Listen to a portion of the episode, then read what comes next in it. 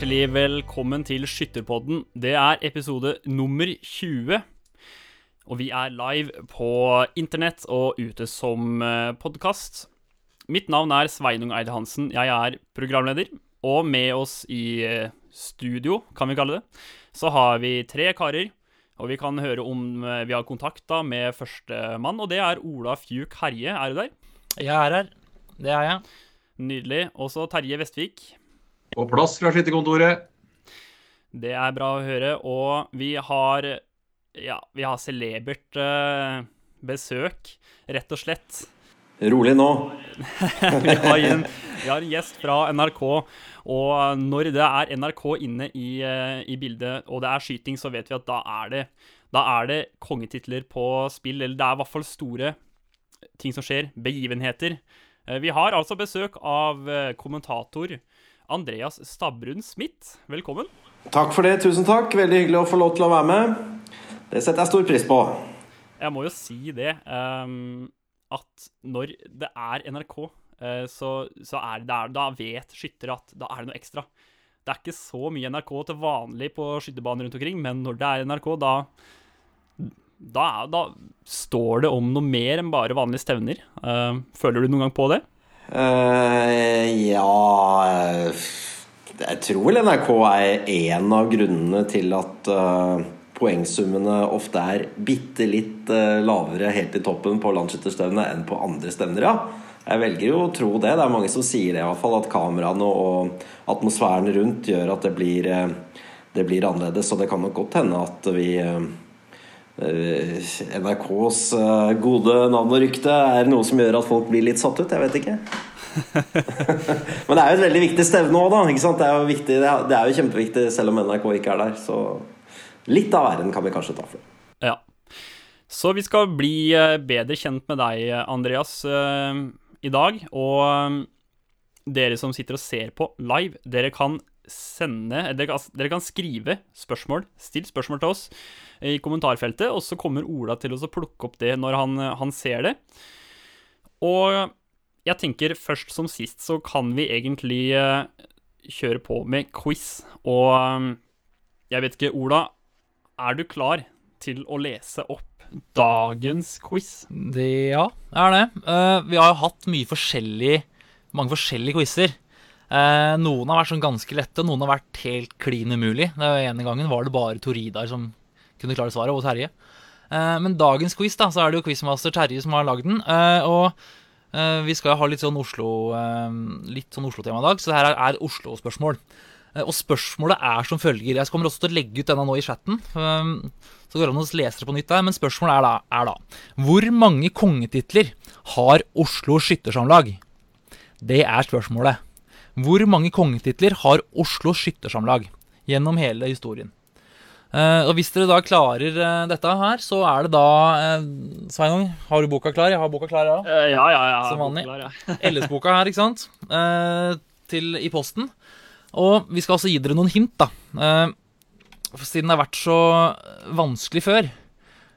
og hintet i dag, Terje, det er jo den matematiske sorten, ikke sant? Det er jo Hintet er jeg nesten, Det er da altså Oslo har to og en halv ganger flere enn det Bergen by har. Stemmer det, ikke sant? Og fem ganger så mange konger som det Trondheim by har. Så der har dere da hintet deres. Så altså, hvor mange kongetitler har Oslo Skyttersamlag? Skriv det i kommentarfeltet her, og så trekker vi ut uh, en vinner, Eh, som da får uh, LS-boka. Ja. I posten. Du, du, du må ta med det at dette gjelder skytterkongetitler, da. For eh, vi kan ikke ta med Harald her nå, og flere konger på kongehuset i Oslo. Ja. Så dette er skytterkonge som vi snakker nå, om her. Nå skrev jeg kongetitler i chatten der, så det kan hende vi får en mer da. Men da, får vi, da er det Vi får se. Altså, det er dagens quiz, så send inn. Mm. Vi følger med i, eh, i uh, kommentarfeltet etter svar. Det gjør vi.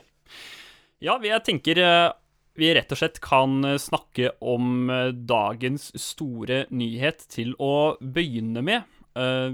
Det skal altså bli ikke et landslagsstevne, men et mestermøte i august. Så nå som vi har deg fra du som er fra NRK, Andreas, kan ikke du fortelle litt om hva dere har planlagt denne uka? ja, det er jo DFS og NRK som har snakket litt sammen, da. Det var jo veldig synd at landsskytterstedene måtte avlyses. Sånn er jo den verden vi, vi lever i. Det er nok uh, et uh, helt riktig valg å ta, så at det ble tatt så tidlig også. Men vi begynte jo da egentlig veldig kjapt å snakke sammen. Kan vi få til noe annet? Skyting er jo ikke en sport som i, i utgangspunktet er helt umulig å bedrive med, med, litt avstand mellom folk. Så vi så vel at her var det kunne det åpne seg en mulighet for at, for at uh, det kan være skytestevner utover uh, sommeren. Og særlig hvis man da ikke har tilskuere. Og hvis dette skal bli et TV-produkt, så må det jo være må det jo være noe. Så vi har kommet opp i samarbeid mellom eh, DFS og NRK en uh, slags skytternes mestermøte. Det er det det heter, i hvert fall i programsettingen til NRK. Så blir det hetende det. det er spennende. Jeg tror det Jeg gleder meg veldig. Jeg tror det kan bli veldig veldig bra. Og så håper jeg at det blir så gjevt for de som er med der. Det er jo dessverre sånn at uh, man kan ikke melde seg på til dette stevnet, etter det jeg skjønner, for uh, det er litt plassbegrensninger. Men at det blir så gjevt for de som er med der, at de der uh, nervene som vi snakket om innledningsvis, på LS og sånn, at litt av det kommer. At det blir en sånn feeling at dette her betyr noe. Da blir det et kjempebra TV-produkt. Så det, det ser vi veldig fram mot. Terje, kan ikke du fortelle litt om selve arrangementet. Uh, som Andreas nevner, så det er ikke et uh, vanlig åpent stevne, akkurat. Det er, uh, det er vel 58 som skyttere da, som er invitert til å delta. Ja, vi skulle gjerne hatt landskytterstevne der det var bare å melde seg på. Det er jo det som er det frivillige skyttervesen, at vi ikke har å plukke ut skyttere. Men akkurat nå, da, når det ikke ble landskytterstevne på Elverum, så måtte vi altså gjøre en en, et valg med dette her. Og ideen om å da ta ut alle disse adelige titlene med skytterdronning, skytterkonger, skytterprinser og skytterprinsesser tror vi er en god idé for å vise fram på TV-en. Og da valgte vi da i et samarbeid med NRK her også å ta med de som fra år 2000 og fram til i dag. Vi kunne liksom ikke ta med alle der, og har vi jo kanskje tatt med langt nok tilbake til tid, så er de kanskje ikke stilt pga. at de begynner å få en viss alder, også noen av de skytterne. I tillegg så ønska vi da å vise fram noen av ungdommene, og ble enige også der om å ha med de tre beste fra eldre junior i fjor. Eh, de fem beste som skrev til det såkalte første gangen ungdomslaget, altså som kjempa kjemper om den U20-tittelen. Og så har vi med oss eh, de skytterne som er på skytterlandslaget, de som satser mot OL. For å også få med noen profiler der eh, til denne sendinga, som eh, skal da kjempe mot våre, våre skyttere. Men de som er på skytterlandslaget også, er jo våre skyttere i utgangspunktet. De kommer fra DFS, selv om de nå har en periode der de satser mot OL. Mm. Og, og, altså premiene som det skal skytes om, det er noe vet, historisk og kanskje episk over uh, premiene som uh, ja, det står om, titlene? Ja da, uh, vi nå var jo da det som skjedde i vinter, at da Guri Melleby, vår første skytterprinsesse, døde jo faktisk i korona. Hun var jo 104 år. Vi snakka jo om henne på den forrige skytterpodden. Eh, og vi ønsker da å hedre henne med at det blir en minnepremie etter henne som går til, til vinneren. Eh, I tillegg så var jo eh, Per Jorseth døde jo i fjor vinter. Han var jo en legendarisk historiker, idrettshistoriker og også skytter. Og han tilhørte jo Oslo Østre Skytterlag. Så planen så langt er at vi skal hedre han med den som vinner tiskudden, altså det såkalte grunnlaget. da. Den som blir best på det, vinner Per Jorseths minnepremie. Mm. Vi, har ikke, eh, vi, har ikke, bestemt akkurat hva premiene skal være, men det er i planleggingsfasen, og det vil bli fine premier. Mm. Hvor mange timer eh, skyting eh, tror du, Andreas, dere kommer til å sende? Uh, ja, det blir Nei da, det kan vi regne på. Det blir uh, i hvert fall fem timer, og antagelig litt uh, mer enn det òg. Dette blir jo det, ja, det var det samme programmet som det, som det er på landskytterstevnet Så det er en 25 skudd først, og så blir det finale da direkte på NRK1 etter Dagsrevyen. Så um, bra sendetid. Og det er en torsdag, dette her. Er det 13. august, uh, Terje? Jeg husker ikke nøyaktig dato. 13. Det, da, det, ble den 13. august. Ja. Og, og, bare for å legge til det også, så Den eneste endringen vi kjører i programmet, det er at de skytterne vil ikke få prøveskudd før tiskudden. Vi kjører en 25-skudd rett på. og Det, det er skytterne informert om, og det er de akseptert. og Det tror jeg også er greit for sendinga. Men banen de skal skyte på, er jo ganske god. Er den ikke det? Ja, det er, jo ganske, det er jo ganske historisk sus over det, i hvert fall. Det det er veldig, veldig flott der oppe, så det, det blir gøy. Så er det jo gøy for meg som er bygget, å faktisk få lov til å kommentere et skytterstevne i Oslo. Da. Det, det er, skal man jo ikke ta for gitt at man får lov til. Så det er stas. Jeg har hørt rykter, da, Andreas, om at du har skutt før. Stemmer det? Jeg har skutt på Oslo Østre én gang. Så du har skutt på den banen? Jeg har skutt eh, på den banen én gang. Eh, jeg måtte ha et innføringskurs i hva dette var da jeg skulle overta som, som, som kommentator for en god del år siden. Og det, det, var på Oslo Østre, og det var heldigvis uh, som det blir nå i sommer. Ikke tilskuere der. Men ja, ja, vi er inne på det, Andreas. Du, du hadde vel din første kommentatorjobb på landslagsstevnet i 2008? Det stemmer, i Førde. Og det var min, så å si, min første kommentatorjobb i det hele tatt. Jeg hadde, jeg hadde hatt øh, øh, Ja, jeg, jeg drev og spilte fotball, men også innebandy i gamle dager. Så jeg kommenterte noen NM-finaler i innebandy på NRK. Det var det første jeg gjorde. Og det neste etter det, sånn av direkte kommentering, det var landsskytterstevnet. Og det sa jeg egentlig nei til, skal jeg være helt ærlig. Uh, jeg ble spurt uh, faktisk mens Kjell Kristian Rike fortsatt levde, om, om, jeg kunne tenke meg å gjøre det den sommeren. For alle skjønte vel at han var så dårlig at, at han ikke skulle gjøre det den sommeren i hvert fall. Og han døde jo dessverre Han døde bare noen få dager etter at jeg hadde fått det, det spørsmålet òg. Og da sa jeg nei. Sa til redaksjonssjef uh, Sjur Molven, som spurte meg, at uh, det er liksom uh, Dette her er skyting. Da tenker jeg på bygda og folk som er glad i å skyte. Og du har, du har spurt en militærnekter fra Oslo om han har lyst til å kommentere det. Det er, det er, det er galskap. Og det sier jeg nei til. Men hvis du fortsatt i neste uke sliter med å finne noen, så får vi snakke om det en gang til. Og det tok jo han egentlig som et ja, ikke sant? så han bare la bort det. Og så gikk han til meg to, to dager etterpå og sa du, jeg tenkte litt på det, og det blir deg. Ferdig med det. Så sånn var det. Og det var ganske sånn overveldende oppgave å gå løs på.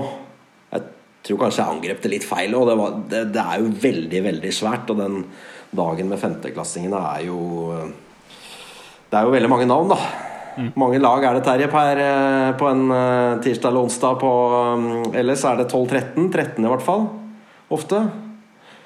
Og så er det, så er det 50 skiver, så det, da har man jo en, en grei navneliste. Jeg prøvde jo nesten søren meg å lære meg alle navnene det første året jeg var med. det gikk helt rundt for meg. Du må prøve å uh, teste den litt. Ja, nei, jeg har heldigvis fortrengt det. For det var, det var, for mye. Men, men eh, ja, nei, det var Jeg tok vel munnen litt for full kanskje der. Og så husker jeg da når vi kom til Førde, og så gikk det opp for meg at nå skal dette faktisk skje. Da fikk jeg Første og eneste gang jeg har hatt fullstendig panikk, det var dagen før den onsdagen. Og så er det sånn når du jobber med TV, det lærer man seg jo litt etter hvert også. Jeg var jo ikke så rutinert da, men sånn, når det nærmer seg sending, så er det veldig mange som vil ha noe av det. Du, kan ikke du sitte her, og så tester vi sånn og sånn og sånn? Og jeg satt bare og hadde lyst til å lese mer og få litt, sånn, få litt orden på disse notatene som jeg faktisk hadde lagd, da. Så til slutt så, så tror jeg nesten jeg klikka, og så sa jeg bare nå må jeg dra på hotellet. Så jeg dro ned på hotellrommet nede i i Førde sentrum der og dro for gardinen og satt der i seks eller sju timer. Og liksom fikk, fikk et sånt noenlunde system som gjorde at jeg klarte å, å gjennomføre dette her, da. Men, eh, men, jeg har ikke turt å høre på det etterpå, så det kan ikke være bra. Det er jo ikke akkurat navn, det er ikke idrettsnavn som preger nyhetsbildet til vanlig heller. Nei, men du blir jo litt fascinert av alle disse navnene nå, ikke minst stedsnavn. Hvor er alle disse skytterlagene? Det, er jo, det, altså det har jo vært en, en, opplæring i geografi for meg å kommentere landsskytterstevnet. For det er jo så mange små steder som har skytterlag, og som man må lære seg om det, om det er det som ligger der oppe eller der nede, for det heter jo det samme stedet. ikke sant? Så, så, så, så det, er, så, det, er, masse der òg. Men det har jo ja, det har vært veldig, veldig morsomt. Og så har jeg jo blitt en ganske mye mer rutinert uh, TV-kommentator med årene, kan man si. Så det faller nok litt lettere for meg nå. Jeg har noen teknikker for å For å Ja, jeg sover om natta før, før sendingen og nå på LS. Det gjorde jeg ikke. Eh, vi har jo fått, vi har fått spørsmål fra, fra noen lyttere.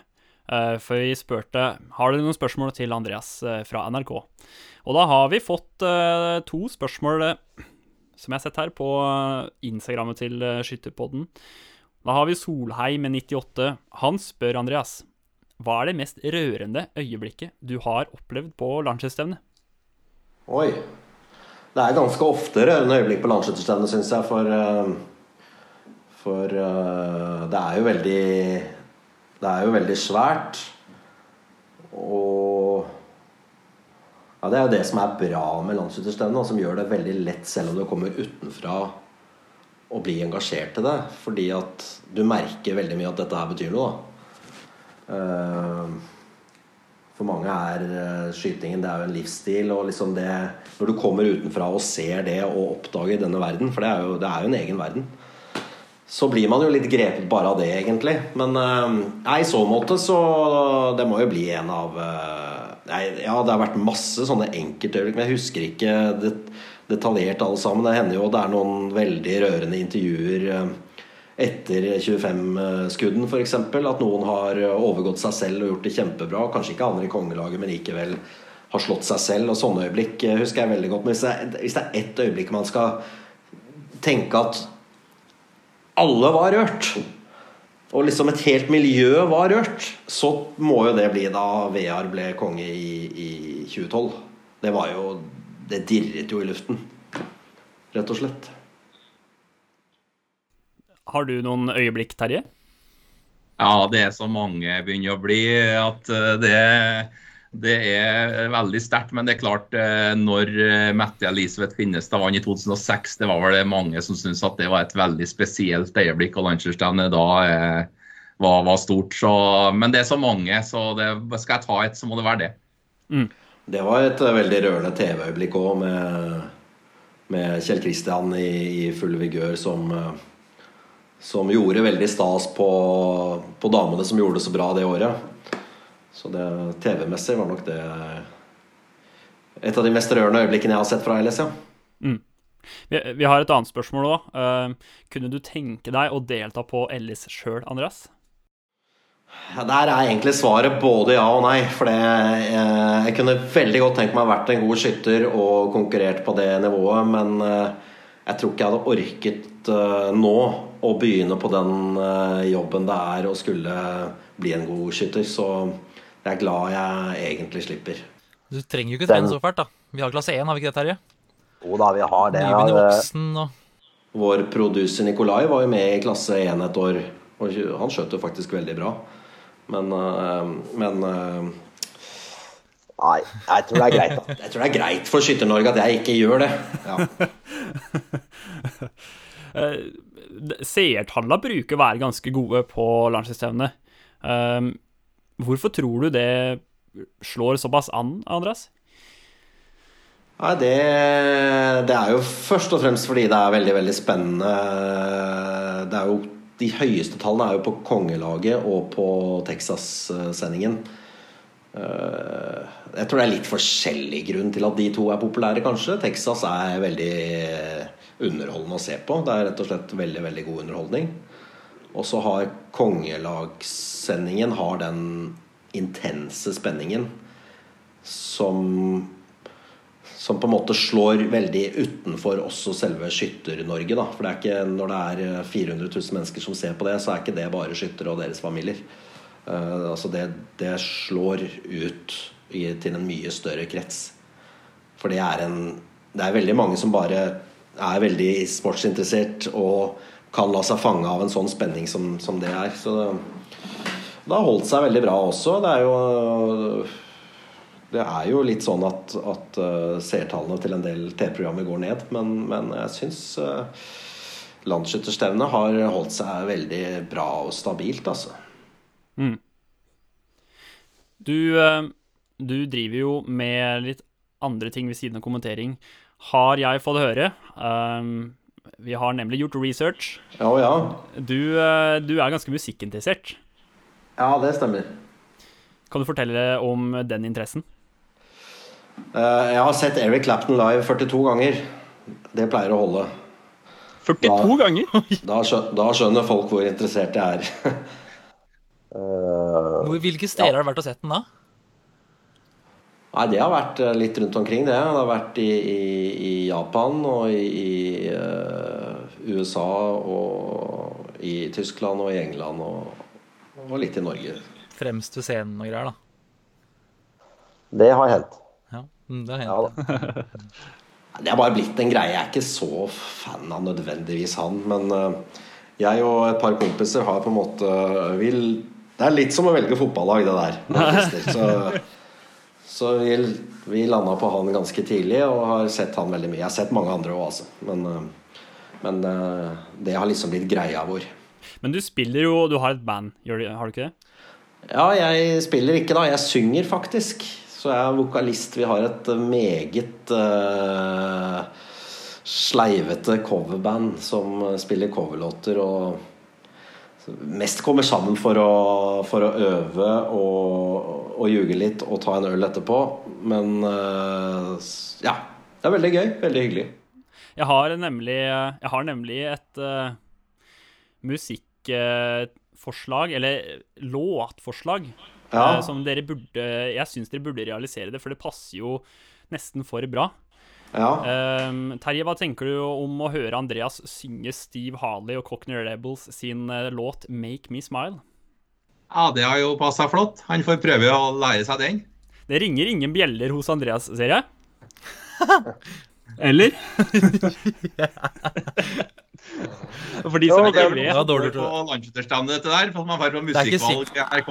Ja. Det er jo intromusikken til landsskytterstevnet. Den er jo Den tror jeg nesten vi har prøvd å øve i nå, altså. Men uh, den var i hvert fall uh, Den var i hvert fall uh, foreslått i en eller annen greie vi gjorde. Men vi har ikke gjort den. Jeg har ikke. Den er kjempebra. Alltid lurt på, Andreas, hvem er det som har plukka den låta? Veit du det? Til den introen? Ja, det kan nok fort være Kjell Kristian. Han var også veldig musikkinteressert og hadde mye sånt. Ellers er det jo vår redigerer Håvard Bergheim. Som han har ikke vært til stede på landsskytterstevnene de siste årene, men eh, det er han som lager alle disse innslagene. Historiske innslagene og sånt. Så, så han har nok Det kan være hans idé, men det kan også være Kjell Kristians idé. Det må jeg nesten, må jeg nesten sjekke. Men uh, begge de to også er veldig sånn uh, musikalske. Du har en annen låt som vi spiller på landsskytterstevnet hvert år, som jeg pga. det har blitt veldig glad i, og det er 'Against the Wind' med Bob Seeger, som, eh, som, eh, som vi, vi, har en sånn video på fem minutter med masse gamle bilder av gamle skytterkonger. Eh, og den Hvis ikke den er spilt, da, da har ikke landsskytterstevnet vært. Ja, jeg vet hvilken sang du mener. Den er, den er, legendarisk. Ja, og det passer så utrolig bra sammen. Så så det Jeg lurer på, selv om det ikke blir landsutstevne i år, om den ikke dukker opp oi, oi, oi. I, i, i, igjen i august. Altså, jeg tror vi må, tror vi må det. Uh, jeg må bare nevne det med en gang, for vi fikk nemlig spørsmål her fra Sven Einar Petterson. Han spør når skal vi avsløre quizen. Og ja, Ola, når avslører vi quizen? Jeg prøvde å svare, men uh, som vanlig så er PC-en min litt sirup når sendingen pågår. Men uh, helt til slutten så får vi fasit. Men vi kan jo ta quizen på nytt her, da. Uh, vi kan ta quizen på nytt, for det har ja. kommet noen nye folk som ser på her. Ja. En del. Og det er jo quizen i dag er som følger. Det er jo da siden Skytternes mestermøter skal, skal, gå i Oslo, så har vi da Oslo-tema. Og dagens quiz er jo da eh, som følger Hvor mange skytterkongetitler Ikke sant, Terje? Skytterkongetitler, nå presterte vi det. Har Oslo Skyttersamlag gjennom tidene? Totalt. Eh, og da la vi ut noen sånne hint også. Eh, det var da at det var to og en halv Berg, Oslo har to og en halv ganger flere enn Bergen, og fem ganger flere enn Trondheim. Og det er snakk om Bergen by og Trondheim by. Eh, Og vi har fått masse, masse innspill her. Vi har Lars Kristian Solheim 15, Erlend Rinden har 12, Bjarne Budsberg sier 12 fra Oslo, 4 fra Kristiania. Knut Bakken sier 19 fra Oslo. Eh, så det kommer jo masse. Eh, så det er bare å er fortsette å sende inn. Ja, premien Det er da premie. boka. Nå veit jeg ikke, Andreas, om du veit uh, fasit eller ikke, men har du Du hørte jo quizen i stad. Har du et eh, tips? Ah, Jeg skal ikke driste meg inn på det, tror jeg, men jeg gleder meg jo veldig over at uh, Oslo viser seg også her uh, suverene over Bergen og Trondheim. ikke sant? Ikke sant? ja. Så Det er et hint at Oslo er det samlaget som har eh, absolutt flest, og at vi da skulle ha vært kåra den 122. skytterkongen, eller dronning, da, nå på landsdelsstevnet i sommer på Elverum. Og Oslo er altså absolutt størst av alle samlagene. De var gode første tida og hadde faktisk den første kongen også, med, med Christian Østern, kan jo sies det. Og Kristiania er like godt som Oslo i denne quizen, altså. Det må være på det rene. Vant det mange ganger i starten, eller Terje? De fra Oslo? Ja, det var ingen tvil om at det var da Oslo var en dominerende by i skyttersporten, og de var det ganske lenge også. Det er Jan Håkon Jørgensen som er den siste. Det er også helt riktig. Ja. Men hvem er, bare tenker sånn, hvem er det, hvem, hvis det skulle blitt en skytterkonge fra Oslo i 2020, hvem kunne det blitt da? Er Det er vel flere som kunne ha tenkt seg å blitt det fra Oslo enda, men det er klart at eh, det er ikke så Ja. Det er, ka- det er Kambisjonene det står på. Nei. Eller Lysten. Vi eh, kan jo eh, gå videre til neste post eh, som vi har i programmet her. Det er, eh, det er en, kanskje en Det var i hvert fall en historisk merkedag i går. Og det går på Skyttertinget, Terje. Kan du ikke fortelle litt om hvorfor dagen i går var historisk? Ja, det var historisk. Vi, denne koronasituasjonen vi er i, da, så måtte det være et ekstraordinært skytterting for å behandle eh, fjorårets regnskap og årsmelding for 2019. Og Det måtte vi da for første gang nå ta på Teams. Og det var spennende å samle 48 samlagsledere, åtte fra skytterstyret og enkeltpersoner til, til et eh, Teams-skytterting. Men eh, det gikk veldig fint, og eh, alle var veldig disiplinerte og gjennomførte dette på en eh, god måte. Så det var faktisk bedre enn hva vi har frykta litt, da. For det er jo noen av disse som kanskje har opplevd sitt første Teams-møte i går. Eh, Så, men dette gikk bra. Alle klarte seg fint. Ja, for det er jo relativt høy snittalder sånn sett. Er det ikke det, Terje? Ja, Så- det er klart at på samlagsledere så blir det jo sånn å få sånne posisjoner, selv om vi har uh, veldig unge samlagsledere, så er det jo mange som uh, har uh, kanskje kommet i en alder der de sånn teknologisk ikke ligger helt frampå. Så det ble litt å snakke det språket også, og ikke bruke ord som mute, men slå av lyden osv. At vi liksom måtte bruke de rette ordene så folk fikk det med seg. Men som sagt, det gikk eh, veldig fint, og presidenten holdt også en eh, veldig flammende og god tale til tingrepresentantene som de nå trengte for å få i gang aktiviteten i organisasjonen igjen, når vi nå håper at eh, koronasituasjonen bedrer seg. Men jeg lurer på en ting, Terje. For nå har vi jo sett, vært mye Teams uh, hele verden siste. Og vi har jo sett litt forskjellig i media på ulike ting som skjer på Teams-møter. Dette har jeg ikke spurt ham på forhånd, men blei det noen sånne uhell i går? Var det noen som glemte å skru av lyden? Var det noe, var det noe sånt noe? Skjedde det noe spennende på den fronten? Ja. Som du kan Ved dele? starten, nei, ja, ved starten av møtet vi, vi, vi starta opp at folk kunne melde seg en time før eh, møtet skulle starte. og Ja. For å begynne med da, så var det mange som kobla seg på litt inn og ut, og vi hørte noen lyder som vi ikke skulle høre. Men dette seg, så det var veldig bra at vi hadde den timen. Og vi har til og med hatt et prøveoppkoblingsmøte for 14 dager siden. For å se at alle fiksa dette der. Så det var betydelig bedring fra det møtet til i går. okay, Ok, dette gikk så fint. Men var det noen som satte seg slik at de hadde, hadde alle medaljene på veggen eh, seg, i bakgrunnen? Eksempel? Det har det var forskjellig å se, det var det. Men eh, det var ingen som ville fremheve seg sjøl med premier og sånne. Det så jeg ikke noe av, nei. Apropos det, Sveinung, så vi har jo kontormøtene på Skytterkontoret er jo på Teams for tida. Eh, Ja. Og Geir, Geir Finstad, IT-sjefen, han, eh, han setter seg sånn. Han, han har mye medaljer. Han har masse stjerner òg, og han har jo da medaljene bak seg. Men det, han, det, det er tydelig at de har vært med på et par flyttelass, fordi mange av de medaljene henger opp ned og litt sånn, inni den der ramma. Så der han har bare liksom tatt ut av pappesken og hengt det på veggen, og jeg har ikke sett så veldig mye på åssen de medaljene ser ut. Så det blei påpekt en gang, og jeg tror ikke han var klar over det. Så Det er ikke noe premier eh, bak Andreas eh, som jeg kan se, i hvert fall. Der er det helt tomt. Helt steril vegg.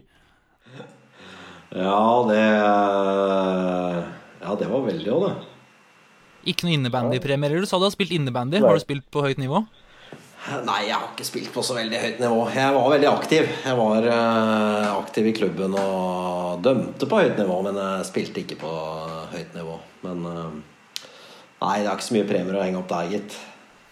Så, men det var jo veldig stusslig bakpå der nå, da. Det må jo få satt opp et eller annet. Jeg, jeg sa det så ut som en kommentatorboks i stad, når vi Ja. gikk på her. Le, lever i en kommentatorboks. Ja. Vi, eh, vi skal eh, faktisk eh, høre et lydklipp som kommer fra den nye boka 'Geværskyting', som er skrevet av Espen Berg Knutsen. Og den er også lest inn av Espen Berg Knutsen. Og vi skal få høre litt om flytsonen. Så jeg lurer på, Ola, om du har Om du har det lydklippet klart Ja til oss? Har det. Vi kjører, vi sier snurrfilm, og så kommer det nå Espen fra Og hva var det som var temaet i dag igjen, Sveinung? Det var eh, Det er flytsonen. Du sa flytsonen. Jeg Ja. skal følge med, og nå kommer Espen. Vi kjører eh, film. Geværskyting, kapittel 3 skyteteknikk, flytsonen. Flyt er et psykologisk begrep som beskriver en tilstand der man blir så oppslukt av en aktivitet at man glemmer tid og sted. Forskning har vist at tilstanden oppnås ved at den høyre hjernehalvdelen tar over styringen fra den tids- og detaljorienterte venstresiden. Når jeg er i flytsonen, gjennomfører jeg bare skuddene automatisk og har ingen andre tanker i hodet, sier skytterkongen Kim André Lund. Han beskriver at tid og sted forsvinner, det samme gjør nervøsitet og tanker på resultater og konsekvenser. I denne tilstanden gjør han alt 100% likt på hvert skudd, akkurat som han har trent på.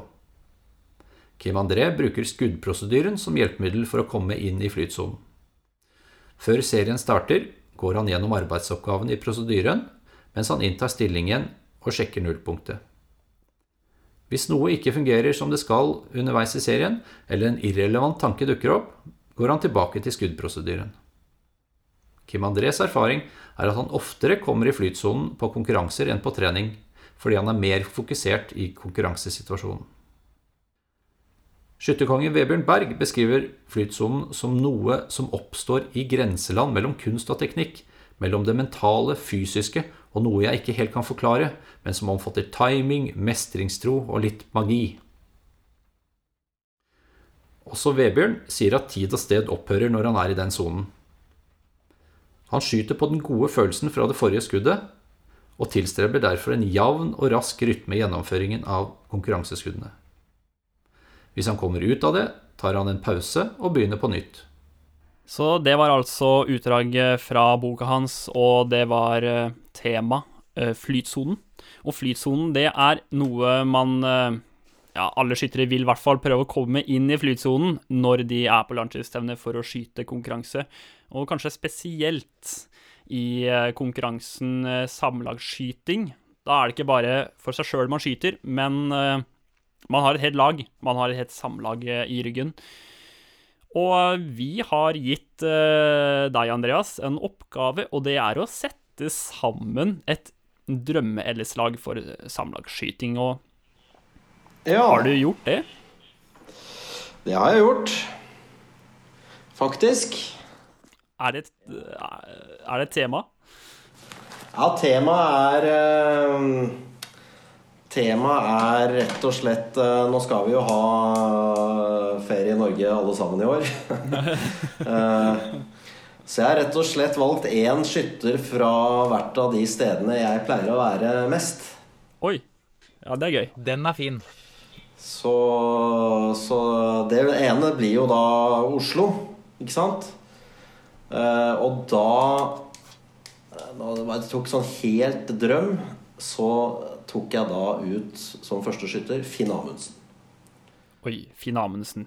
Finn Amundsen. Der han, eh, jeg syns det var en sterk åpning. Og han, han var jo fra Oslo, bodde på Raufoss, men, eh, men skjøt jo for Oslo Østre. Og så tenkte jeg, i og med at han gikk bort eh, relativt nylig, det var jo i fjor, så, så er det hyggelig å ha med han. Og det er også litt fordi det er laget en helt fantastisk reportasje.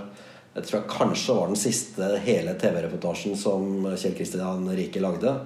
Hvor han besøkte Finn Amundsen. Og den er laget med en sånn eh, varme og kjærlighet som, som, Den er faktisk litt sånn rørende å se på når, du, når, når man tenker på det. Og der får du liksom bare, uten at det blir sagt noe, så bare merker du hvor mye Kjell Kristian eh, elsket, eh, elsket DFS og landsskytterstevnet.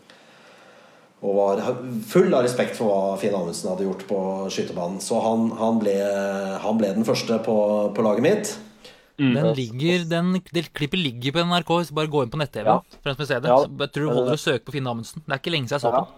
Hvis en av dere kan kopiere videre, så kan jeg legge det i chatten på den uh, greia som vi holder på med her nå. Så jeg har en lenke til den. Men har, Terje, har Finn Amundsen Jeg dro fram skytterboken Nei, LS-boka. Finn Amundsen har ikke EC-gull, har han det? Det er litt for Ja, det skulle jeg tro, men jeg er ikke men, jeg, jeg er 100 sikker på. Statistikken går fra 69. Ja. Og bare sånn rask uh, Jeg tror ja. Blir ikke det litt for seint for han? da? Den, den, det, det må jeg sjekke opp. Den må jeg sjekke opp, du. Ja. Nei, men, den er men det er sterk førstelapp på det der, altså. Så han er inne, i han er, han er inne uansett. og så er eh, andretappen. Da må vi liksom gå til steder man eh, Som jeg sa, dette var jo geografisk og steder jeg, jeg pleier å være og sånn. Så da da I år blir det jo Det er det verdt. Jeg liker veldig godt å være på hytta, da, men eh, så min mors familie har alltid hatt hytte i Hemsedal. Oh. Oi. Så da blir det en dobbeltkonge på andre etappen. Gunnar, eh, Gunnar Halbjørhus. Oi, oi, oi, oi, oi. Den var veldig sterk. Han tror jeg ikke har noe eskull. Det er mulig Nå gikk Terje. Jeg mistenker at Terje gikk for å sjekke om uh, Finn Amundsen har ese. Han vant med Oslo i 1960. Det var det jeg trodde, skjønner du, men det var, måtte dobbeltsjekke den her, ja. Men hvorfor står ikke statistikken deres Ja, men statistikken deres går bare tilbake til 69 i boka? Eh, ja, men eh, vi, eh, vi, har et eh, Han har gull i sammenlagtskytinga, Altså, han har ikke EC-gull, det er riktig, for det var ja, okay. ikke EC da. Men han har vunnet sammenlagtskytinga, det er det som er greia. Ja. Men Hemsedal har ikke noe gull med halvbjørhus? Hemsedal har vel ikke noe gull med Halbjørhus, nei, det tror jeg. Du ser i boka, du nå. Ja, men det blir ja. Beste min. Ja. Gunnar er i hvert fall på andre, andre etappen der. Og så er det da min fars familie som uh, hele min fars liv har hatt hytte på Hurum. Uh, da er det et skytterlag som heter Røyken og Hurum. Og de har jo, de har jo en veldig god skytter. Han er vel riktignok fra Røyken, men uh, Ole Kristian Bryn får da tredjeetappen. Det òg er Ja. Det er jo ikke en dårlig skytter, det heller. Nei. Og så og så er det da ankeretappen her, og da, da, må jeg gå litt bort fra det kriteriet om stedet jeg pleier å være mye, men det er rett og slett Det er en fyr jeg kjenner veldig godt, og han har tatt på seg jobben. Jeg har faktisk spurt han om han kunne tenke seg å være ankermann på dette laget. Som han var i 1990, da han sikret EC-gullet. Ola Lunde fra Trysil. Oi, oi, oi. ai, ai, ai, ai, ai. det er et sterkt lag. Ja, det, det er Vi begynner å få en del lag nå. Jeg bruker, jeg bruker alltid Andreas, jeg tok ut et skytterkontorlag ganske tidlig. Jeg bruker alltid å sammenligne opp mot det. Ja. Eh, og det er jo eh, Ja, det blir jevnt, ja. Jeg tror det. Du hadde jo Det var ikke bare konger, så det er ikke Ja. Men eh, Nei, det var, det var, vel ikke noe eh, kriterium det for å komme med her. Men uh, geografien kan uh, fikk, fikk, opp et ganske bra lag, det òg. Norgesferielag, rett og slett. Norgesferielag, ja. Tok du ja. noe, fikk, Ga du den i oppdrag Sveinung, å ta et støtteapparat da, eller ble ikke det noe uh, Ja, jeg, har du noen på stående fot, Andreas, som kan stille opp som materialforvalter og trener og sportslig leder. altså, den som skulle drifte klubben, var Terje Vestvik. Helt definitivt. Så nei. Ja. Det får holde med de fire skytterne. De klarer seg sjøl.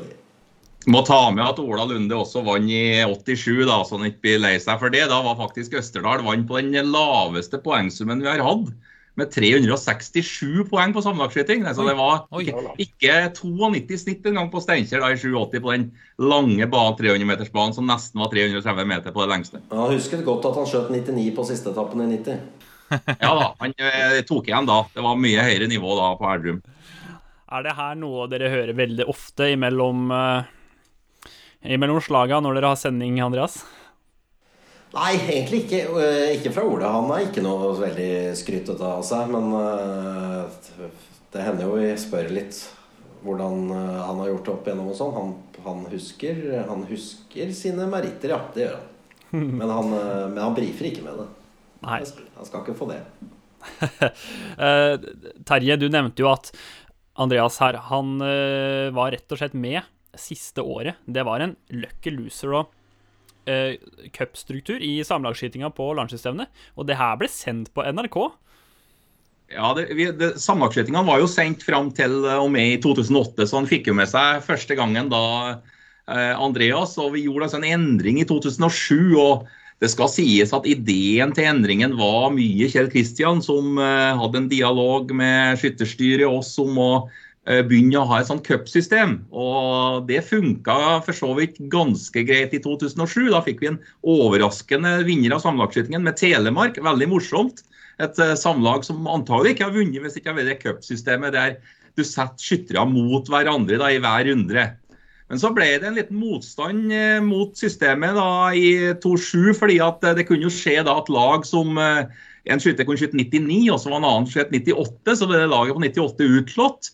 Men så var et annet duell da, som var 92 mot 91, og det hørtes jo da var urettferdig, da, mente folk da, at når du skrev 98 ble det utslått, og 92 så gikk du videre. De Og da kom denne lucky loseren inn. At det skulle være lucky loser-mulighet da, når vi kom til Førde. og som eh, producer i NRK sa, som satt og så dette hjem da i 2008 og så på sendinga, han sa at dette var Joker Nord. Eh, helt ut, og så plutselig sto de på standplassen igjen i neste runde. Og eh, fra da så ble det sagt at det ikke skal dekke samlagsskyting, sjøl om vi gikk tilbake til den normale samlagsskytinga. Joker Nord, ja. Ja, det var helt krise. Ja da, Joker Nord er morsomt, men uh, det, bring, det gir nok ikke noen nye fans til skyttersporten, tror jeg. Den sendingen vi hadde der i 08, det var rett og slett helt uh, forferdelig å være med på. Og skulle formidle dette. Altså, jeg skjønte det. Jeg skjønte opplegget, men å klare å formidle det på en ordentlig måte, det klarte jeg ikke. Og det var uh, Dette var jo da dette var jo mens kongelaget fortsatt gikk på lørdag, så dette her var jo da torsdag. Det hadde vært denne litt uh, meltdown-opplevelsen på tirsdag kveld som jeg fortalte om i stad. Og så var det da ti timers sending, tror jeg det var på den onsdagen, for det lyn, lynet og tordnet så innmari opp i Førde, sånn at uh, det ble jo utsatt med, med mange timer, så den sendingen varte kjempelenge. Og så kom da denne Joker Nord-opplevelsen på torsdag. Da var jeg ør i toppen, for å si det sånn. Det var uh, det var nesten så det gikk, eh, gikk rundt for oss alle sammen. Så synd det, egentlig. eh, For det er jo en veldig spennende, spennende format at det ikke At det ikke er på TV mer. Men uh, altså, Telemark, da, som uh, kom som en overraskelse i 2007 i det her cupsystemet Du kommenterer jo cup eh, til vanlig, du André, så vi kan vel kalle Telemark som en uh, Det var vel en cupbombe? En Askeladd. Askeladd. Ja. Ja.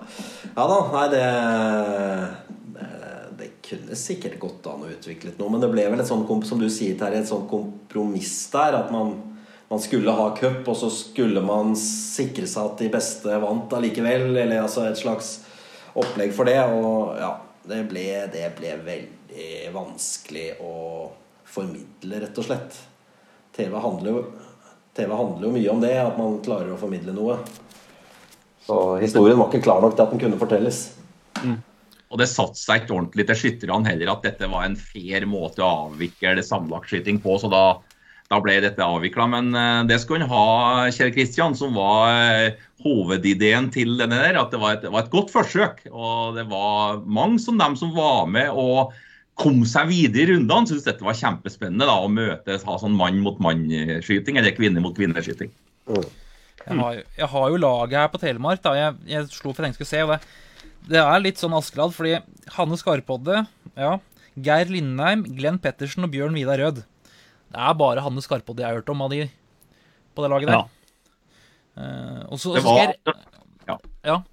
det var overraskende. og Det var, eh, som jeg husker, det første gangen liksom Telemark stilte med disse oransje ja. eh, T-skjortene sine. Mm. Så det var oransje utover arenaen på Steinkjer, og, full jubel. Så det var en artig opplevelse, akkurat den 2007-gjennomføringa. Det, det, husker jeg veldig godt. Og som jeg også, Gunnar Haldrus tok jo du ut på laget litt, Andreas. Og så ble det jo sagt her at uh, han ikke har EC-gull, men han har EC-gull, Terje. 2012. Gunnar Haldres, ja, Vidar Aue, Arild Brodal ja. og Sian Bogar. Det er helt så riktig, fikk vi det òg. Ja. ja, det er bra. Styrke laget mitt, det. Yes, det gjør det. Da ble det plutselig bedre. vi har jo også en eh, fast uh, spalte som vi til og med kjører uh, de gangene Terje ikke er med i panelet her. Og det er spalten Terjes hullkorn, hvor det kommer en god historie eller en anekdote eller en morsomhet fra DFS sin lange historie. Og har du funnet fram en Terjes hullkorn til oss i dag, Terje? Ja, i dag, ettersom vi er i Oslo, og ettersom vi skal på Årvoll og Oslo Østre sin bane i august, så er det jo lett å tenke på sist det var landsskytterstevne på Årvoll. Det var i 1950. Eh, det største stevnet som har vært i eh, historien med landsskytterstevne, da var i 1950 med 4900 deltakere. Det var nesten 6000 påmeldt i 1950. Det var enormt. Og første gangen det var landsskytterstevne over ei hel uke.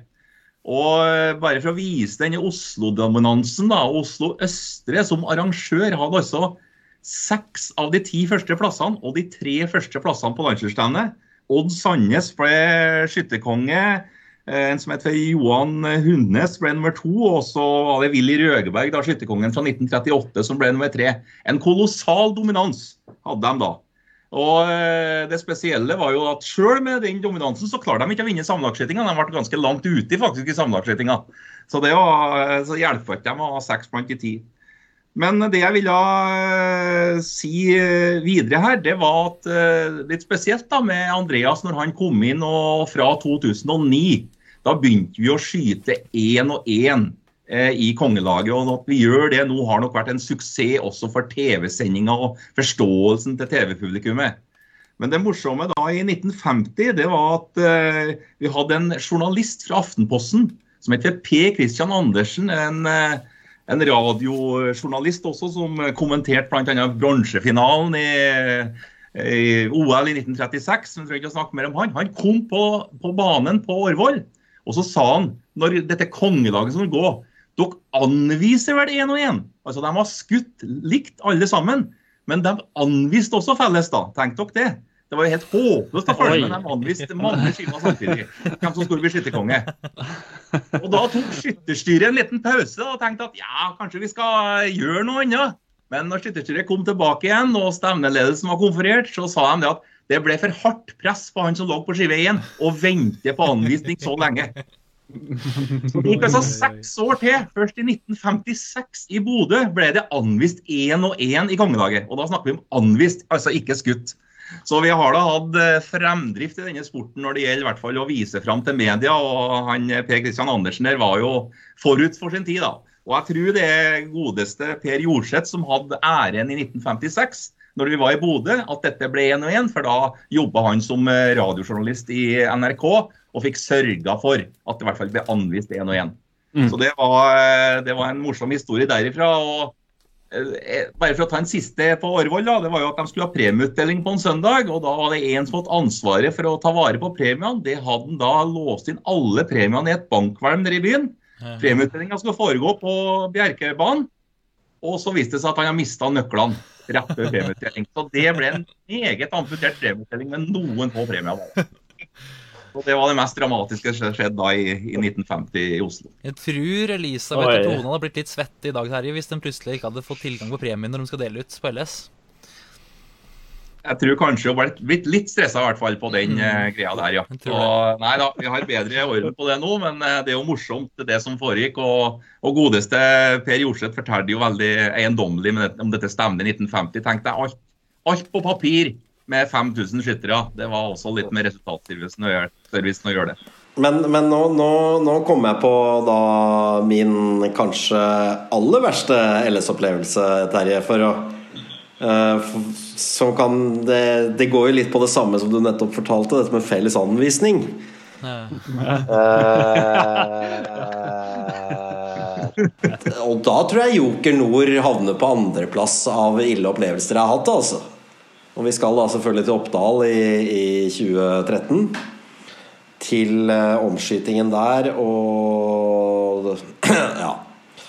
Vi, kan vi skal ikke dele ut noen skyld her, uh, men eh, det ble i hvert fall Den, den omskytingen, det var jo veldig mange som skulle skyte om, og den ble satt litt fort i gang. Så der satt vi, og de skulle, da var det jo Omskytingen var jo felles, man skjøt eh, samtidig. Og det ble anvist samtidig. Og Ola og jeg satt og skulle kommentere dette her, og vi hadde ikke anvisningen. Den Den var lei, altså. Den sendingen har jeg i hvert fall aldri sett igjen, og den skal jeg ikke se igjen noen gang. Det er eh, Ja, det må ha vært helt forferdelig. Snakk om alt glapp bare på noen minutter. Det var jo ikke, det var ikke hele sendingen som var ille, men akkurat den avslutningen. Vi fikk jo vi fikk jo heldigvis et hint om hvem som hadde skutt best, for det var det noen som visste. Et eller annet sted i, i, i TV-bussen. Så det var noen som fikk eh, hvisket til Christian Nirske Smith, vår reporter, at eh, gå og still deg hos Kim André.